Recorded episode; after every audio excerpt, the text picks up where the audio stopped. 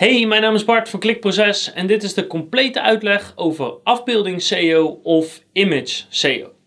Ik ga je precies uitleggen hoe je afbeeldingen optimaliseert voor Google, waarom dat zo belangrijk is, waar je op moet letten, zowel op de afbeelding als op de laadsnelheid, op allemaal technische dingen.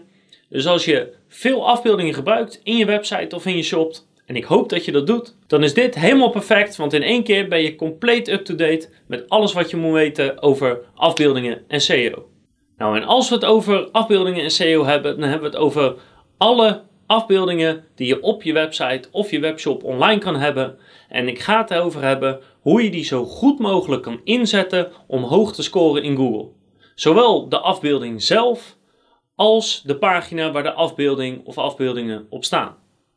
En dat is nogal belangrijk, want één, zo'n afbeelding kan je pagina heel erg helpen om te scoren in Google. En zeker als je meerdere afbeeldingen op de pagina hebt. Daarnaast komt in sommige gevallen, zoals bijvoorbeeld als je zoekt op rode damesjurk, komen er afbeeldingen naar voren in de Google zoekresultaten. Daar wil je natuurlijk tussen staan. En mensen zoeken ook gewoon via Google afbeeldingen naar afbeeldingen. En dan wil je natuurlijk ook bovenaan staan. En als laatste is het natuurlijk belangrijk dat als je veel afbeeldingen gebruikt, hoe je die dan het best kan inzetten zonder dat je daarmee de laadsnelheid en andere technische aspecten van je website in de weg zit. Nou, we hebben het hier dan over alle soorten afbeeldingen. Dus het kan gaan om van die stokafbeeldingen, uh, foto's, illustraties, uh, infographics, gifjes. Alles wat beeldmateriaal is, valt in dit geval even onder afbeeldingen. En dat geldt dus ook voor alle bestandsextensies, dus .jpeg of jpg, .png, .bmp, .gif. Alle extensies die in feite een afbeelding maken, daar hebben we het nu over. En dan is meteen de cruciale vraag van ja, is er eigenlijk een bepaald soort afbeelding het beste voor SEO? En het antwoord erop is um, nou ja en nee.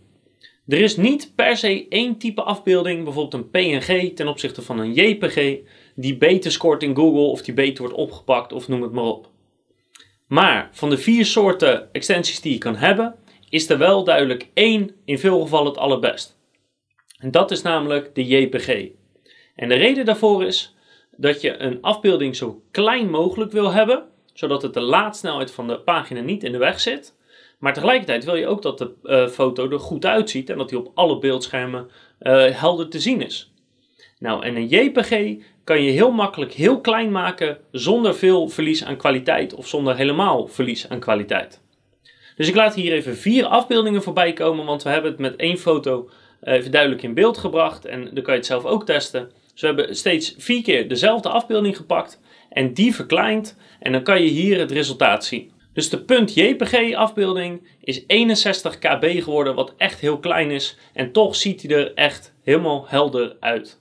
De punt PNG is 316 kb geworden, dus dat is bijna 6 keer zo groot. Tussen de 5 en 6 keer zo groot. En een punt PNG is daarmee minder geschikt. Eigenlijk is de enige keer wanneer een PNG wel geschikt is, is als je een transparante achtergrond wilt hebben. Want dat kan je niet op een JPG, die staat dat niet toe, dan maak je de achtergrond wit. Maar bij een punt PNG kan je een transparante achtergrond hebben. Dus als dat eh, de bedoeling is of als dat nodig is, dan is een PNG soort je tweede beste optie. Nou, punt GIF, die was 132 kb, dus die was een stuk kleiner dan de PNG. Maar moet je zien wat een kwaliteitsverlies je daarbij krijgt als je die verkleint in, uh, in formaat. Dus die worden heel snel heel lelijk en zou ik je daarmee niet aanbevelen. Punt BNP is hetzelfde, is doorgaans het grootste. Deze is 426 kb en ook het lelijkste. Dus hier kan je duidelijk aan zien, gebruik JPG, tenzij je transparante achtergrond hebt, gebruik dan een PNG. Het verkleinen van je afbeeldingen is echt cruciaal. En wij proberen altijd om een afbeelding maximaal 200 kb groot te hebben, maar het liefst eigenlijk 100 of minder. En doorgaans zou dat echt voor 80% van je afbeeldingen moeten lukken, want de meeste hoeven helemaal niet zo groot te zijn. Gelukkig zijn er ook verschillende manieren en tools om je afbeelding te verkleinen. Eh, de simpelste manier is je afbeelding simpelweg in Paint te zetten, hem te verkleinen en dan weer op te slaan. Maar dat moet je wel handmatig doen en is voor de kwaliteit van je afbeelding niet altijd perfect.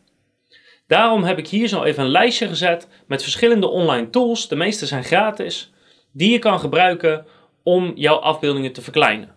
Maar deze tools, die moeten wel één voor één moet je daar de afbeeldingen in zetten. Heb je nu heel veel afbeeldingen, dan hebben we hier ook een paar tools waar je de afbeelding in kan zetten om ze in bulk te verkleinen. Zelfs als je afbeelding al online staat, dan kan je hem nog steeds verkleinen. En hier zie je twee hele goede plugins die er heel goed in zijn in je afbeelding verkleinen zonder dat er verder iets gebeurt. Dus de WP Smooth is een hele goede of de E-Optimizer. Ik kan ze allebei van harte aanbevelen, ze doen hun werk heel erg goed. En het mooiste is nog, je hoeft er verder niks voor te doen. Je installeert die plugins en je laat ze hun werk doen. En elke afbeelding die je vanaf dan uploadt, die wordt verkleind. En ze staan ook toe dat je soms tegen een kleine vergoeding alle afbeeldingen die je nu hebt ook verkleint. Dus je bent in één keer van al je problemen af als je WordPress gebruikt. Nou, als je een Magento Shop hebt of als je een ander platform hebt, dan zijn daar bijna altijd ook wel plugins voor. Dus je moet per platform op zoek gaan naar specifieke plugins die die afbeeldingen automatisch verkleint. Dus dat over het type afbeelding, de laadsnelheid en de formaten. Maar dan is nog steeds de vraag: hoe zet je afbeeldingen nu in om bovenaan te komen in Google en om de pagina te helpen? Nou, om te beginnen raad ik je aan om in elk geval altijd één afbeelding per pagina te hebben. Dat helpt je ranking significant. Maar daarnaast raad ik je ook aan om op de top 5 resultaten te kijken en te kijken hoeveel afbeeldingen komen er voor op die pagina's. En dan heb ik het niet over de header of de sidebars, maar echt in de content. En je wil eigenlijk zoveel mogelijk matchen met wat er in die top 5 staat. Dus als die top 5 resultaten allemaal maar één afbeelding hebben, zou ik je aanraden om niet 20 afbeeldingen online te gooien. Tenminste, er is een uitzondering op, daar kom ik nog op, maar meestal niet. Hebben alle topresultaten daarentegen heel veel afbeeldingen, dan zou ik beginnen om dat ook te proberen. Want die top 5 resultaten, daar is Google blij mee. Dus hoe dichter je daarbij in de buurt kan komen, hoe sneller Google snapt dat jij daar ook hoort te staan. En vanaf daar kan je een verbeterslag gaan maken om nog beter te worden dan je concurrent. Maar natuurlijk moet je niet afbeeldingen toevoegen voor het toevoegen. Je moet altijd in de gaten houden hoe relevant zijn de afbeeldingen die ik toevoeg. Helpen ze een bezoeker? Heeft hij er wat aan? En doe ik dit niet voor Google, maar doe ik dit ook om de bezoeker te helpen? En de tweede vraag is natuurlijk heel praktisch hoeveel afbeeldingen heb je? Of hoeveel afbeeldingen kan je verzorgen? Dus hou dat altijd in gedachten. Dus aan de ene kant, ja, je wil in elk geval in de buurt zitten van hoeveel afbeeldingen Google in de top 5 heeft staan. Maar als in de top 5 10 afbeeldingen staan en jij hebt gewoon 20 afbeeldingen zelf gemaakt die supergoed zijn, die een bezoeker heel erg helpen, die eigenlijk veel beter zijn dan wat er nu staat, dan moet je dat natuurlijk toevoegen. Ik zou je vooral afraden om er heel erg onder te gaan zitten. Want als de concurrent 10 afbeeldingen heeft toegevoegd die eigenlijk allemaal wel relevant zijn en helpen, dan is het meestal geen goed idee omdat jij er maar 5 hebt, omdat je daarmee niet dezelfde informatie kan overbrengen en Google dat meestal, meestal doorgaans ziet als een slecht teken. Dus probeer te matchen wat je concurrenten hebben in de top 5 en ga er daarna overheen door nog betere, duidelijkere, gedetailleerde afbeeldingen toe te voegen die een bezoeker nog meer helpen. Ja, en dan kan je die afbeeldingen data mee gaan geven. En per afbeelding zijn er eigenlijk vier optimalisatiepunten. Je hebt de naam van de afbeelding, nou, die zie je op je computer vaak staan. Je hebt een alt tag, en een alt tag staat voor alternative tag of alternatieve tag. En dat betekent in feite, als ik deze afbeelding niet kan tonen, wat moet ik dan laten zien aan de bezoeker als beschrijving, zodat een bezoeker snapt waar die afbeelding over gaat. En hij gebruikt die tag ook als een slechtziend of een blind iemand op de website komt. Daarnaast heeft elke afbeelding een titel. En dat is, als je met je muis op de afbeelding gaat staan, dan verschijnt er zo'n wit balkje. Dat is de titel van de afbeelding. En je kan een caption toevoegen en dat is de tekst die onder een afbeelding verschijnt. Nou, al die teksten vertellen iets aan Google over die afbeelding. En daar moet je zeker gebruik van maken. Dus ik raad je altijd aan om de bovenste afbeelding, de afbeelding die je als eerst tegenkomt, die Google dus ook als eerst tegenkomt, om die simpelweg de naam van je hoofdzoekwoord te geven. Dus we hebben daar wel eens verschillende kleine testjes mee gedaan, maar we kwamen toch tot de conclusie, als die gewoon letterlijk exact match het hoofdzoekwoord is, bijvoorbeeld SEO of basketballen of lampen, dan helpt dat de pagina in zijn totaliteit om te scoren en het helpt je afbeelding om te scoren. Ik zou je daarnaast aanraden om de alt tag precies dezelfde naam te geven als de naam van het bestand. Dus gewoon letterlijk je hoofdzoekwoord. Voor de caption en de title is dat iets anders, want dat zien bezoekers ook. Dus daar zou ik wel je hoofdzoekwoord in verwerken, maar dan zou ik het iets natuurlijker maken. Dus maak er een klein zinnetje van, of uh, bijvoorbeeld dat je de zin maakt in plaats van lampen of lamp of lamp kopen, kan je bijvoorbeeld ervan maken: koop hier uw mooiste lampen. Of lampen kopen doet u bij bartslampen.nl. Zodat als bezoekers dat zien dat het er niet heel raar uitziet. Voor alle overige afbeeldingen geldt 1. Je kan daar net zo goed zoekwoorden in verwerken. En dat kan eigenlijk een hele goede manier zijn om toch bepaalde zoekwoorden erin kwijt te kunnen, wat misschien niet lukte uh, verderop in de pagina. Maar je moet er wel voor waken dat je niet misbruik ervan maakt en dus die afbeeldingnamen en die alt vol gaat proppen met zoekwoorden en daardoor eigenlijk heel erg gaat spammen. Misschien dat het nog kan werken, maar Google wordt steeds slimmer, dus op den duur ga je daardoor gestraft worden. Daarnaast raad ik je ook aan om eigenlijk bij de overige afbeeldingen toch wat natuurlijker te zijn. Dus niet één of twee woorden, maar misschien iets meer een zin of een iets duidelijkere beschrijving, zodat zowel een bezoeker als Google er wat aan heeft. Want een pagina met 20 afbeeldingen die allemaal letterlijk zoekwoorden zijn, die dus eigenlijk totaal niet beschrijven wat op die afbeelding staat, dat is een beetje raar. Maar het is wel zoekwoordgevoelig, dus probeer wel verschillende zoekwoorden in de afbeeldingen te verwerken. De enige uitzondering die ik zou hebben op uh, dat je in de eerste afbeelding je hoofdzoekwoord verwerkt, is als jouw uh, zoekwoord een featured snippet heeft en je wil graag op die featured snippet gevonden worden of je wil dat jouw afbeelding in die featured snippet komt te staan.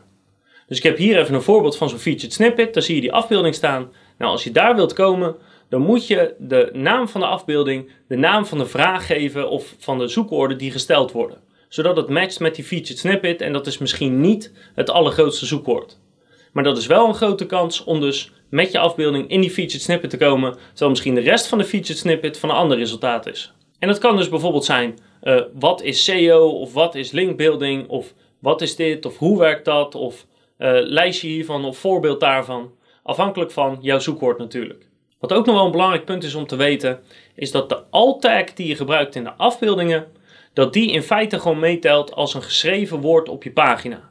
Dus stel dat je heel druk bent met dingen als keyword density of hoe vaak komt een bepaald zoekwoord voor in de tekst, moet je dus die alt-tags meetellen alsof het gewoon een zin is die op je pagina staat. Ook heb je speciale code voor afbeeldingen, structured data zogenoemd. En structured data is eigenlijk niks anders dan dat je bepaalde code toevoegt aan je pagina om aan Google duidelijk te maken: dit is dat, dit is dat, dit is dat. Bij producten kan je bijvoorbeeld aan een product kan je zeggen: dit is de prijs, dit is de naam van het product, dit is de maat, dit is de kleur. En zo kan je ook tegen Google zeggen dat een afbeelding een afbeelding is. Die code die kan je vinden op schema.org en hier zie je een screenshot. De code is niet heel ingewikkeld, maar zo kan je duidelijk maken dat een afbeelding een afbeelding is. Dus ik raad je zeker aan om op al je pagina's bij al je afbeeldingen die structured data te gebruiken. Want niet alleen kan het Google net een zetje geven, in de toekomst schat ik in dat structured data steeds belangrijker gaat worden en daarmee kan je nu alvast een voorsprong halen op je concurrenten. Dat is in feite alles wat je moet weten over afbeeldingen en SEO. Als je dit toepast, dan komen je afbeeldingen hoog te staan in Google op het zoekwoord, want je hebt het zoekwoord in de afbeelding verwerkt. Je pagina komt hoger te staan, want, uh, wederom omdat het zoekwoord erin zit. En het zorgt ervoor dat de kans groot is dat jouw afbeelding ook in de Google zoekresultaten verschijnt. Als laatste tip wil ik je eigenlijk meegeven dat je geen stokfoto's moet gebruiken. Je hebt heel veel stocksites en dan kan je een foto kopen of je kan een gratis foto gebruiken. En dat zijn meestal van die standaard foto's die je overal ziet. Het is 2019, het is niet ingewikkeld om met een telefoon of op een andere manier een mooie foto te maken of een foto te bedenken. Je hebt Paint, van mijn part teken je iets maar gebruik alsjeblieft je eigen afbeeldingen. Soms kan het zelfs heel erg helpen voor linkbuilding, maar dat is iets voor een andere video. Maar het is zo irritant om naar die stokfoto's te kijken als je op een pagina zit. Is eigenlijk meer een persoonlijke frustratie of misschien een conversiedingetje dan echt SEO, maar ik wil het je toch meegeven. Ik zou echt jezelf aanleren om gewoon nooit meer die stokfoto's te gebruiken. En dat is het. Dus heel veel succes met het checken van je afbeeldingen. Check of die klein genoeg is. Check of de namen, de alt-tags en de titels en de captions goed staan. En ga ermee aan de slag. Zorg ervoor dat je meer bezoekers binnen gaat halen. En ik zie je graag de volgende keer weer terug. Dan heb ik nog veel meer tips, tricks, handleidingen, noem het maar op. Over YouTube, over voice, over conversieoptimalisatie en over SEO.